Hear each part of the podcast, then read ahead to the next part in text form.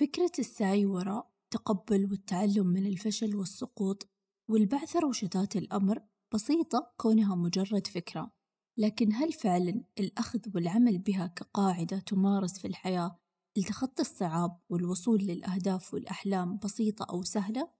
ما أعتقد أبدا وتكاد أن تكون من أصعب وأقسى الأمور ويرجع السبب لطبيعة النفس البشرية لكن هل مستحيل نتقبل الفشل ونتعلم منه؟ أبدا وبوجود قوة الإرادة والعزيمة والعمل المستمر على تقوية وبناء الصلابة الذهنية يصير كل شيء نعتقد أنه كان صعب أو مستحيل بيوم من الأيام ممكن هل هذه الفكرة ترند أو توجه جديد؟ لا كيف تكون؟ وهي السبب الخفي وراء وصول ونجاح وتميز وتفوق كل الناجحين بشتى المجالات لما يسأل الناجحين عن السر وراء نجاحهم بيكون الجواب غالبا بسبب وجود الشغف الدافع والعمل والتطوير بشكل مستمر.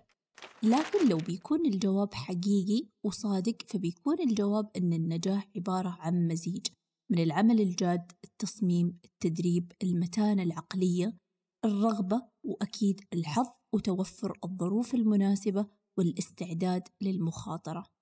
كلنا بشر نسوي العديد من الأخطاء اللي بعضها تكون سبب الفشل وسقوط عظيم وأحيانا ترجعنا مئة خطوة للوراء لكن وقتها مع الحزن والألم النفسي ننسى أن الأخطاء والفشل هدية ثمينة من الله للتحسن وممكن هذا الفشل يكون سبب لفتح أبواب ثانية أو يسوقنا المسار مختلف تماما ويكون هو الأفضل والأجمل على المدى البعيد. ولو كنا نعرف أن الفشل بيوصلنا لهنا كنا اخترنا نفشل لو لزم الأمر كذا مرة. الفكرة مو أننا ندور الفشل ونحاول نفشل لكن بالتهيؤ والاستعداد لمواجهة المخاطر والخسائر في الطريق للوصول للهدف والحلم. بيساعدنا ببناء وتطوير هذه الفكرة على إزالة كل عذر لعدم متابعة الحياة اللي نطمح أن نبنيها ونعيشها. وقد يكون هذا الفشل اللي إحنا خايفين منه هو أسرع طريقة للنجاح. كلنا عندنا أشياء نحب نسويها ونتمناها لكن غالبا يتفوق علينا الخوف من الفشل. لكن إذا تذكرنا أن الكل يفشل في الحياة وكان عندنا الاستعداد للتعلم والتحسن والنمو بسبب إخفاقاتنا فبنكون في الطريق الصحيح للنجاح. النجاح مثل الفشل له ثمن. تبهرنا فكرة الأعداد إما بكسر رقم قياسي أو الوصول لعدد معين سواء مبالغ مادية عدد مشتركين مرات تحميل عدد الإعجابات. نفكر دائما بالفوائد ونتجاهل النقد والفشل بالطريق للوصول لهذا العدد. نستصعب ونستكثر على أنفسنا الشعور بالتعب والألم للوصول للمرحلة الثانية أو الهدف المستقبلي. امتلاك الموهبة ممكن توصلك لمرحلة معينة لكن العمل الجاد والمثابرة هي اللي بتدفعك للوصول للوجهة. خمس أسئلة خذ وقتك وجاوبها بتساعدك تفهم قيمة أحلامك. السؤال الأول كم الوقت المطلوب للوصول للهدف؟ ينصح بتدوين قائمتين للمهام. الأولى للمهام المؤجلة الغير مهمة اللي تقدر تسويها بأي وقت ثاني. وتستخلص القائمة الثانية للمهام الأهم والأولوية للعمل عليها مباشرة. لو تستصعب إنجاز المهام المدونة في قائمة مهامك بيفيدك هذا الفيديو. الرابط له بيكون في الوصف. من المهم الوضوح والشفافية عشان تكون بوعي ودراية. كم من الوقت تحتاج الإنجاز كل مهمة. لأن إدارة الوقت والتخطيط لهم أثر كبير على نجاحك. السؤال الثاني فكر بالعادات والسلوكيات اللي من المهم أنك تتبناها. فكر بجودة ومدة فترة النوم والراحة الحركة والنشاط خلال اليوم طبيعة وتكامل وكمية وجودة العناصر الغذائية اللي تدخل جسمك واللي تخليك شخص مفعم بالطاقة ويتمتع بصحة جيدة. وأيضا ابحث عن الأنشطة اللي ممكن تمارسها ومن شأنها تطور ذكائك. السؤال الثالث هل تحتاج استثمارات مالية؟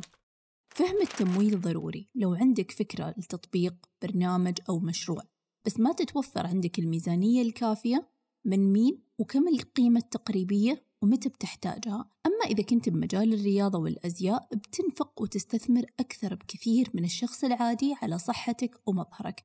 وهذا أيضا يعد استثمار. ولا تنسى أنه من المهم أثناء جني الأرباح تتذكر أهمية إعادة الاستثمار بعملك لجعله أفضل وأحسن مع الوقت. أربعة اسأل نفسك ماذا يجب أن أتعلم وما هي المهارات اللي أحتاج أطورها وأنميها مع الوقت. ابحث واكتشف أكثر عن الأشخاص أو الشركات اللي نجحوا في مجال تخصصك. دقق في قصص نجاحهم وأسباب فشلهم أو تعثرهم. وعندك مصادر وفرص تعليمية ما لها حصر من كتب بودكاستات ويوتيوب. خمسة من تريد أن تعرف؟ لا تقلل من شأن الاجتماعات والمعارف. قدر الناس من حولك وحاول تبني مع الجميع علاقة طيبة طبعا مع حسن النية. تخصص في المجالات اللي تستمتع فيها. ابحث عن مجال تلاقي فيه نفسك أكثر بحيث يكون يربط بين شغفك والمهارات المتقنة أو تقدر تتعلمها بسهولة والفرص المتاحة والهدف. فكر بنشاط يحفزك أنك تصحى الصباح وتفقد الإحساس بمرور الوقت. إذا كان العمل ممتع بالنسبة لك ويدفع مصاريفك للاستمرار فاجتهد بتطويره في إطار هذا النشاط. قدر كل فرصة تعلمك وتطورك. إذا كانت قناتك على اليوتيوب يتفرج عليها خمسين شخص اليوم استمر بالعمل عليها وبيصل عددهم إلى خمسين ألف. تتهيأ المزيد من الفرص للأشخاص الشغوفين واللي يحبون اللي يسوونه بصدق. إذا كان المجال اللي تسعى للعمل عليه ما يحقق لك معنى داخلي غرض يهمك رسالة تؤمن فيها ما راح يعكس هذا العمل السعادة على حياتك. حتى مع تحقيق النتائج الإيجابية من سمعة طيبة وأرباح ومكاسب ونجاحات. لأنه مع الوقت بتفهم أنه عند ارتكاب الأخطاء شغفك وأهدافك وفرصك ومهاراتك بتساعدك تتجاهل الخيارات الغير مناسبة لك وتساعدك على أنك تستمر. واسأل نفسك هل تحقيق هدفك يعود بالفائدة على الآخرين بطريقة ما؟ لأنه تحفزنا دائما الرغبة بمساعدة وإسعاد الآخرين بعملنا. سامح نفسك وتخلى عن الخجل والخوف من النقد. ينصح باتباع وممارسة الثلاث طرق التالية للتعامل مع العار والخزي المصحوب كنتيجة حتمية للفشل. الأول ابعد نفسك ومستوى عملك كل البعد عن المثالية المطلقة وتوقعها بكل خطوة أثناء عملية التجربة والتقدم والعمل لأنه من المستحيل يكون كل شيء مثالي. للأسف وسائل التواصل الاجتماعي تخلق صورة مثالية للكل سواء كنت صاحب مطعم أو مدرب أو أم أو طالب. كيف المفروض تتحرك؟ كيف تتكلم؟ تتعامل مع المشاكل شكلك مستوى دخلك وين ومتى أوقات راحتك مستواك؟ وعلى الرغم من أنه الهدف من هذه الوسائل أنه نكون أكثر اجتماعية إلا أنها تجعلنا نشعر بالذنب والخجل والقلق بشكل مستمر. ذكر نفسك أنه وسائل التواصل الاجتماعي مو المفروض تأثر عليك سلبا وأنه لا يزال النت بعيد كل البعد عن الواقع. اثنين انتبه لحديثك مع نفسك. التعاطف مع الذات فن. تعلم أنك تسامح نفسك وتعتني فيها بالراحة والنوم والأكل. عامل نفسك وحبها وأرحمها بنفس الطريقة اللي تتعامل فيها مع أحب الناس لقلبك. لا تنتقد وتخجل الآخرين من أنفسهم عند تعرضهم للفشل. تعامل معاهم بتعاطف ولطف حب أحتويهم. نسمع عامل الناس كما تحب أن يعاملوك. وهو معنى الحديث نبوي عن عبد الله بن عمر بن العاص رضي الله عنهما قال قال رسول الله صلى الله عليه وسلم فمن أحب أن يزحزح عن النار ويدخل الجنة فلتأته منيته وهو يؤمن بالله واليوم الآخر وليأتي إلى الناس الذي يحب أن يؤتى إليه رواه مسلم. طبيعتنا البشرية تركز على السلبي بكل عمل نسويه حتى لو أنجزت أي عمل. و99% من الأشخاص اللي حوالينك ثنوا عليك وواحد بالمية بس ما أعجبهم أو انتقدوك بتركز على الواحد. ولا تحزن من نفسك هنا أغلبنا إذا ما كان كلنا كذا. لكن استخدم هذه النقطة لصالحك. السلبية تساعدنا أن نصحح عيوبنا ونكون أفضل إذا كان الانتقاد بمحله وصحيح. أفصل الجيد عن السيء وحول السيء إلى منافع. استخدم النقد إذا كان صحيح وبناء غير اللي نابع من غيرة أو غل لتحسين قدراتك ومهاراتك لتنمو كمحترف. في نوع من الخوف يطلق عليه رهاب الاتشوفوبيا وهذا القلق غير منطقي من الفشل في الارتقاء المعايير وأهداف الفرد والمجتمع. يشمل الخوف من المكانة الأكاديمية أو فقدان الوظيفة أو احترام الذات. وبسبب شدة الخوف من الفشل قد يتسبب في تأجيل أو تجنب بشكل كامل أي نشاط أو سيناريو يحتمل أن يؤدي إلى نتيجة غير ناجحة. ممكن يكون الشخص المصاب بهذه الحالة خايف من تجربة أشياء جديدة أو المخاطرة أو تقبل النمو فقط خوفا من الفشل. قبل لا ننتقل للجزء الأخير من الحلقة في نقطة مهمة أبغى أكد عليها. وهنا من رأيي الشخصي للموضوع وتجاربي في الحياة. أعتبر الجانب النفسي والصلابة العقلية ومحاولة فهم النفس وطريقة عمل المخ وتكوين الأفكار وردات الفعل المبنية عليها من أكثر الجوانب اللي صرت أهتم وأركز عليها. أحاول أفهمها عشان أقدر أتطور للأفضل وأعيش بسلام داخلي. أحس أغلب جوانب الحياة إيش ما كانت صحي اجتماعي ديني ممكن ترتب لها طريقة عمل أو سيستم من فترة للثانية ترجع تغير تبدل تجرب وخلاص تمشي الحياة. لكن الجانب النفسي مراعاته والتركيز عليه مهم جدا لأنه يتغير ويتبدل مع تغير أدنى الظروف أو المشاعر. يصير شيء أركز وأوقف وأرجع لها ليش تصرفت كذا؟ أو قلت كذا؟ أو حسيت بالضيق؟ لما صار هذا الموضوع وين حسيت الألم بجسمي؟ ليه حزنت أو ليه ما فرحت؟ لأنه لما أتحكم أو أحاول أتحكم بعقلي وعلى أساسها نفسيتي عليها أكيد تصرفاتي. شوي أرتاح وأهدى ومن أكثر المراجع الجيدة اللي صدق أنارت بصيرتي أكثر في هذا المجال كتاب اسمه Why has nobody told me this before بمعنى لماذا لم يخبرني أحد بهذا من قبل. وبخصوص موضوعنا عن التقبل والتعامل مع الفشل لو لغتك جيدة ارجع للفصل الخامس اسمه On Self Doubt خصوصا الجزء رقم 20 معنون ب You are not your mistakes. للأسف ما لقيت منه نسخة مترجمة للعربية بالرغم أنه مترجم لأكثر من 40 لغة. للكاتبة والدكتورة البريطانية جولي سميث أخصائية علم نفس إكلينيكي ومعلمة عبر النت وصانعة محتوى وصاحبة عيادة خاصة بإنجلترا. كرست حياتها المهنية لتتعلم كل شيء تقدر عليه عن الصحة العقلية وتعقيدات العقل البشري. أكيد مرت عليكم بصفحات التواصل الاجتماعي. يتابعها ملايين خصوصا وقت انتشار الوباء والحجر المنزلي. وترجمت فيديوهاتها للعديد من اللغات لأن وقتها الناس كانت بحالة هلع وخوف وقلق ووحدة. فكانت انطلاقتها وتواجدها على الساحة بالوقت الصح اللي احتاجها الناس فيه. لخصت لك أهم النقاط المذكورة بهذا الفصل من الكتاب المتعلقة بالموضوع بملف مع كل النقاط المذكورة بهذه الحلقة. ممكن تحصل عليه مجانا بكل حب بالاشتراك بالنشرة البريدية. مجرد تدرج اسمك وإيميلك وبتحصل على الملف. الرابط مثبت بأول تعليق وفي الوصف لو بتتفرج الفيديو على اليوتيوب أو بتسمعني على أحد منصات البودكاست. وبرسل لك بشكل دوري محتوى كل حلقة مكتوب ومنسق باللغة العربية الفصحى.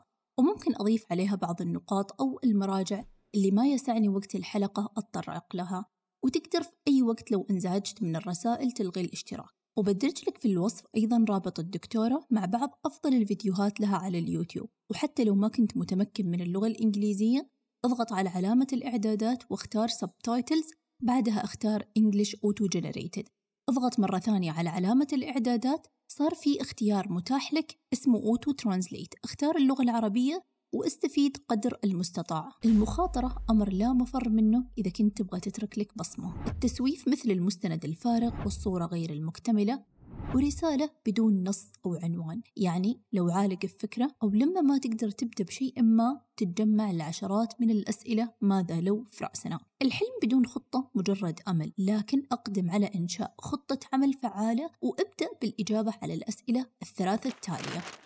الأول ماذا علي أن أفعل هذا الشهر لأقترب من هدفي؟ اثنين ما الذي يجب القيام به هذا الأسبوع للوصول للهدف؟ ثلاثة ماذا يمكنني أن أفعل اليوم لتحقيق حلمي؟ نركز على الأهداف اليومية لأنها عملية أكثر ويسهل تحقيقها أكثر من الأهداف السنوية والأهداف الأبعد ركز على تحقيق نصر واحد كل يوم أغلبنا ما يكون عندنا الرغبة بإطلاق مشروع أحلامنا لما يكون كل شيء مثالي وعلى أكمل وجه لا تخلي عملك أو محتواك مثالي طول الوقت. ركز على الاستمرارية أكثر وحاول تتحسن بمسيرتك وبكل خطوة تخطوها حتى لو واحد بالمية. وقسم أسبوعك المهام موضوعية حسب خطتك ومن المهم وجود نظام يحكم عملية إنجازك للمهام. لو عندك مشكلة بترتيب وإنجاز قوائم المهام ارجع للحلقة اللي تكلمنا فيها عن قوائم المهام بيكون رابطها في الوصف. ليس لديك ما تثبت ولكن لديك عدد لا حصر له من الإمكانيات التي يمكنك تحسينها. في ثلاث أنواع من المخاطر. الأول المخاطر الاستراتيجية. العالم اليوم يتغير بسرعة وبشكل مستمر أكثر من أي وقت ثاني وتتزايد عدد الأنواع والمتطلبات. فمن الأفضل أنك تغير تقنياتك واستراتيجياتك باستمرار لمواكبة هذا التغيير. المخاطرة المالية وهي الأصعب لكن من الضروري أنه يكون في ميزانية للبحث عن الفكرة وتحسينها حتى لو كان الاستثمار محفوف بالمخاطر تتطلب أحيانا المخاطر المالية الاستثمار بخبير أو مدرب لتوجيه العمل مخاطرة العمل مع الناس بتخاطر كثير لما تتعامل مع الناس بتبحث وتحاول وتجرب عينات مختلفة هل تثق فيه ولا لا؟ هل تأمنه ولا لا؟ هل تتشارك معاه ولا لا؟ تتعامل مع شخصيات بخلفيات وعقليات مختلفة مع التجربة وإذا كنت شاطر بتمعن النظر حولك وتعرف تحط يدك بيد مين. وقد يكون هناك أشخاص بمحيطك بانتظارك للتواصل معاهم. في مقولة شهيرة للرسام الكاريكاتير والكاتب الأمريكي سكوت آدمز صاحب كتاب كيف تفشل في كل شيء تقريبا وتستمر في تحقيق النجاح الكبير. يقول دائما ما يجلب الفشل شيئا ذو قيمة معه وأنا لا أتركه حتى أستخلص هذه القيمة. محتوى هذا الكتاب الرائع يتمحور حول موضوعنا اليوم وفي حلقة قادمة بإذن الله بشارك معاكم أهم النصائح والتوجيهات والدروس المذكورة فيه وهي منطلقة من تجارب وحياة الكاتب الشخصية. حاور نفسك بشكل دائم لأنك في قرارة نفسك غالبا تعرف الأجوبة الصحيحة. وبتساعدك الأسئلة الصح من أنك تستخرجها من عقلك الباطن. لما يكون عندك هدف فكر كيف ممكن تحقق هذا الهدف وكل العقبات والصعوبات اللي ممكن تؤدي فيك للفشل. تذكر أنه كل حلم له ثمن وبتضحي بكل تأكيد بالوقت والمال والجهد على طول الطريق. مع ذلك خلال هذه العملية والتعليم المستمر بتقدر تعرف وتتعامل وتقلل من هذه الخسائر. الشيء الرئيسي هو عدم محاولة تجنب الفشل بالعكس خليه يكون لك كأفضل معلم في حياتك. خاطر لما تقول لك الظروف المحيطة والأشخاص الثقة أن المخاطرة بتجلب ثمارها. بتاخذك شجاعتك الأبعد من حذرك. خلي الفشل يذكرك بشكل دائم أنك تقترب أكثر وأكثر كل يوم من تحقيق ما كنت تعتقد أنه بيوم من الأيام كان مستحيل. وفي أمان الله.